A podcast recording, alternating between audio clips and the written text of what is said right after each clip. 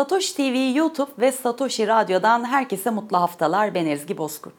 Geride bıraktığımız 7 günün en önemli başlıklarına göz atacağımız haber turumuz şimdi başlıyor. BTC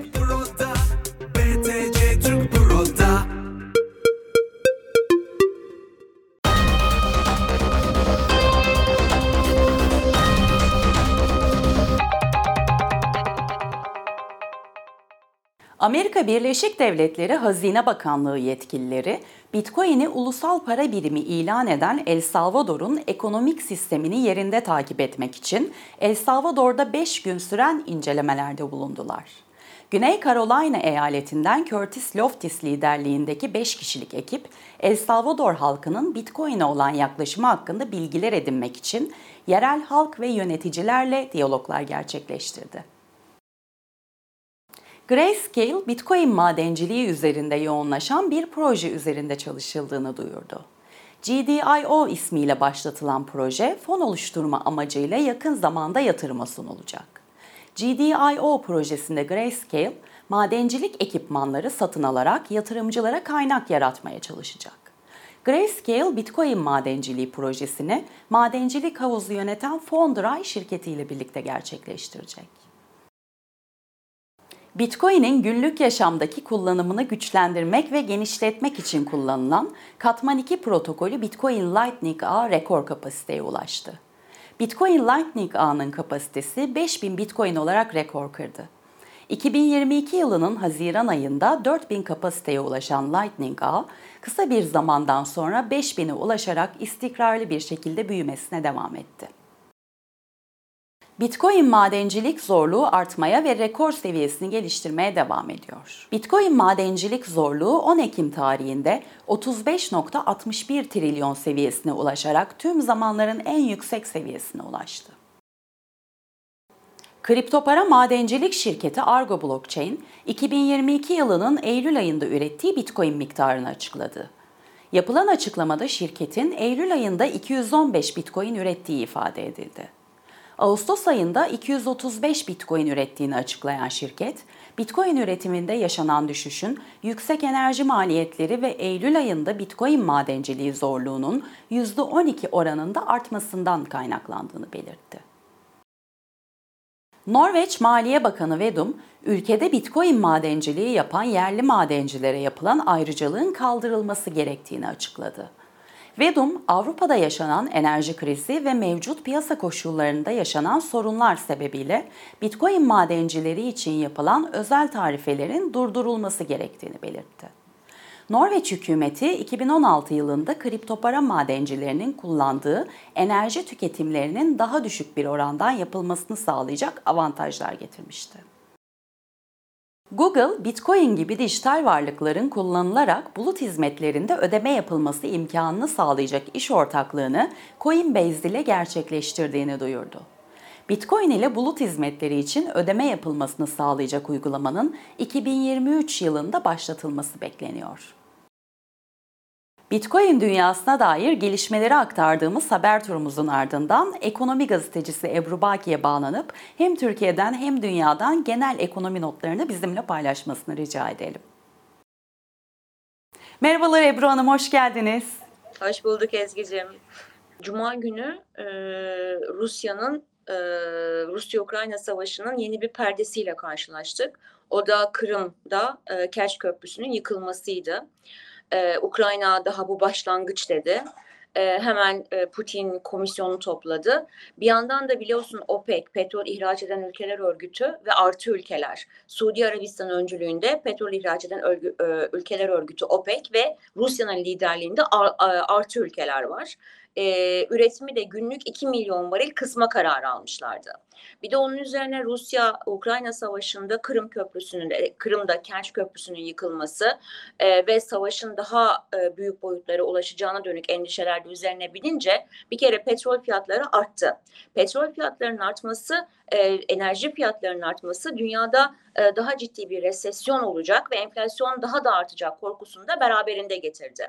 Hatta e, OPEC'le devam edersek Biden OPEC'e çok ciddi tepki gösterdi. Hatta Suudi Arabistan'la ilişkileri yeniden gözden geçireceğiz dedi. ve e, kendi rezervlerinden 10 milyon e, varil daha piyasaya sürme kararı aldı Amerika. E, bir yandan petrol fiyatları yükselirken dediğim gibi e, resesyon korkusu, enerji fiyatlarının artması ve resesyonla beraber e, enflasyonun daha da yükselmesi korkusu beraberinde geldi. Çünkü enflasyon yükseldikçe faiz artışları da daha hızlı devam edecek korkusu da yine e, endişesi de yerini koruyor. E, bütün bu korkularla beraber e, bir yandan da Rusya-Ukrayna gerginliği arttı. E, Ukrayna'da hafta başında biz yayına başladığımızda e, Rusya bu sefer e, Kiev dahil 13 şehirde e, bombalamalara başladı. Elinde ne kadar füze varsa karadan, havadan, e, denizden yağdırdı adeta. E, sonra bütün bu gelişmeler yaşanırken Birleşmiş Milletler ve IMF'nin de e, Amerika'ya ve Avrupa Merkez Bankası'na, FED'e ve e, Avrupa Merkez Bankası'na çağrısı vardı. Faizleri daha da arttırırsanız dünya ekonomilerini özellikle gelişmekte olan ülkeleri boğarsınız ve çok ciddi resesyon kaygılarını da e, tetiklersiniz açıklaması yaptı. Yani FED'e faiz artırımlarında yavaşlayın e, çağrısı geldi. Şimdi bu çağrı e, bu çağrıyla e, birlikte e, Amerikan Merkez Bankası ne yapacak sorusu da masada. Fakat bütün FED üyeleri neredeyse Amerikan Merkez Bankası FED'in tüm üyeleri adeta yarışırcasına enflasyon bizim için önemli ve faiz artışları devam edecek dedi.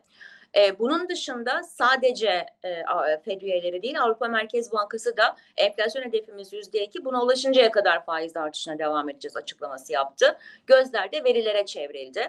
Bu arada e, Birleşmiş Milletler ve IMF e, FED'e, e, Dünya Bankası da buna katıldı. Faizleri çok hızlı arttırmayın çağrısı yaparlarken e, resesyon tehdidi var. E, bu resesyon te- tehdidi, e, tehdidi de 2016'ya kadar devam et, 2026'ya kadar devam edecek. Dünya 2026'ya kadar çok ciddi bir resesyonun küçülmenin içinde kalabilir ve 4 trilyon dolarlık bir kayıp meydana gelebilir. E, dediler büyüme tahminlerinde, küresel büyüme tahminlerinde aşağıya doğru revize ettiler. Şimdi böyle bir ortamda herkes oturdu verileri izlemeye başladı. O verilerde e, Amerika'dan gelen enflasyon verileri bu hafta için çok kritikti. Şimdi üretici fiyat endeksi Amerika'da beklentilerin tahminlerin üzerinde yüzde sekiz buçuk geldi. 8,4-8,3 gibi bir tahmin vardı. E, Amerika'da tüfe verileri de yüzde sekiz virgül birlik beklentiye karşılık onun üzerinde bir artış gösterdi. Tahminlerin üzerinde bir e, enflasyonla sekiz e, 1,1'in üzerinde bir enflasyonla karşılaşıldı. Bu da 2 Kasım'dan önceki son veriydi. Amerika'dan gelen enflasyon verileri. Şimdi 2 Kasım'da Amerikan Merkez Bankası FED ne yapacak sorusu gündemde. Acaba resesyon riski var, dünya küçülüyor, yapmayın çağrısına uyacak mı? Yoksa 75 bas puanlık faiz artırımına devam edecek. Sonra yarım puanlık faiz artırımlarıyla yıl sonunda faizi %5'e doğru yaklaştıracak mı? e, faiz artışları e, ekonomileri daha küçültüp para sıkıntılarını arttıracak mı? Enflasyondaki düşüşe e, neden olacak mı? Yani e, acaba resesyon içinde bir enflasyon yaşanacak mı? Bu korku da var. Dolayısıyla e, petrol fiyatları artıyor, faiz artışları devam ediyor. Enflasyonla mücadele çok kolay değil. Bir yandan da durgunluk sinyalleri gelirken bizim ihracatımız için de bu önemli. Yani biz ihracatın yüzde 50'ye yakınını Avrupa Birliği ülkelerine yapıyoruz ve e, veriler e, ihracat pazarlarında da, daralmanın, yavaşlamanın başladığına işaret ediyor. Bunu deniz ticaretinde de e, görüyoruz. Dolayısıyla bu yavaşlama acaba ihracata yansıyacak mı? Dolar e, 0.96 parite değerli uluslararası piyasalarda. E, dolar güçlü oldukça e, sizin ithalatınız e, dolarla kazancınız euro ile. Dolayısıyla bir parite zararı da olacak. Bir de maliyetler çok yüksek. Petrol fiyatları arttıkça, gaz fiyatları arttıkça, iş gücü maliyetleri arttıkça e, sanayicinin maliyeti de artıyor. Bizde üretici fiyat endeksi tüfenin çok daha üzerinde. Bu da enflasyonist riskleri barındırıyor. Şimdi bize içeriye gelirsek bu ortamda e, bizde büyüme e, verileri iyiydi ama üçüncü ve son çeyreğe ilişkin yavaşlama sinyalini Merkez Bankası vermişti ve faiz indirimlerini biz bu yavaşlama sinyallerine göre devam ettireceğiz ya da faiz indirimini bu yüzden yapıyoruz açıklaması gelmişti. Şimdi Türkiye Cumhuriyeti Merkez Bankası'ndan faiz indirimlerinin devam edeceğini açıklamalardan anlıyoruz. Bir yandan da e, biz e, enflasyon yüksek Aralık'ta baz etkisiyle bir düşüş başlayacağı belirtiliyor. E, fakat bu düşüşü, baz etkisiyle olan bu düşüşü, enflasyon artış hızındaki yavaşlamayı vatandaş hissedecek mi? İşte orada ciddi soru işaretleri var. Bunun, e, bunun için de asgari ücrette çok ciddi artış, emekli işe takılanlar konusunda düzenleme, e, e, asgari ücrette çok ciddi bir artış bekleniyor. Biz işte sözleşmeli personelin kadroya alınması ki bu be, kamuda 550 bin kişiyi kapsıyor.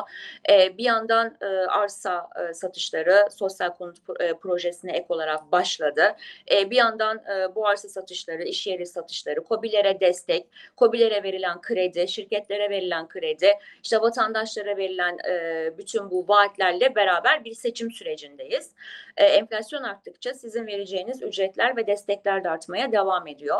Dolayısıyla burada e, seçim sonrası bu bütçe e, ne olur? Seçim sonrası hangi kararları açıklanır? E, nasıl bir seçim sonrası dönem yaşarız? Dünya 2026'ya kadar resesyonda kalacaksa gibi soru işaretleri tabii ki var. E, bizde e, en önemli e, gelişme bu haftaya ilişkin yine enflasyona yansıyan verilerdi. Petrol fiyatları yükselince e, arka arkaya e, motorine zam geldi. Motorine zam gelmesi iğneden ipliğe her şeye zam gelmesi anlamına geliyor.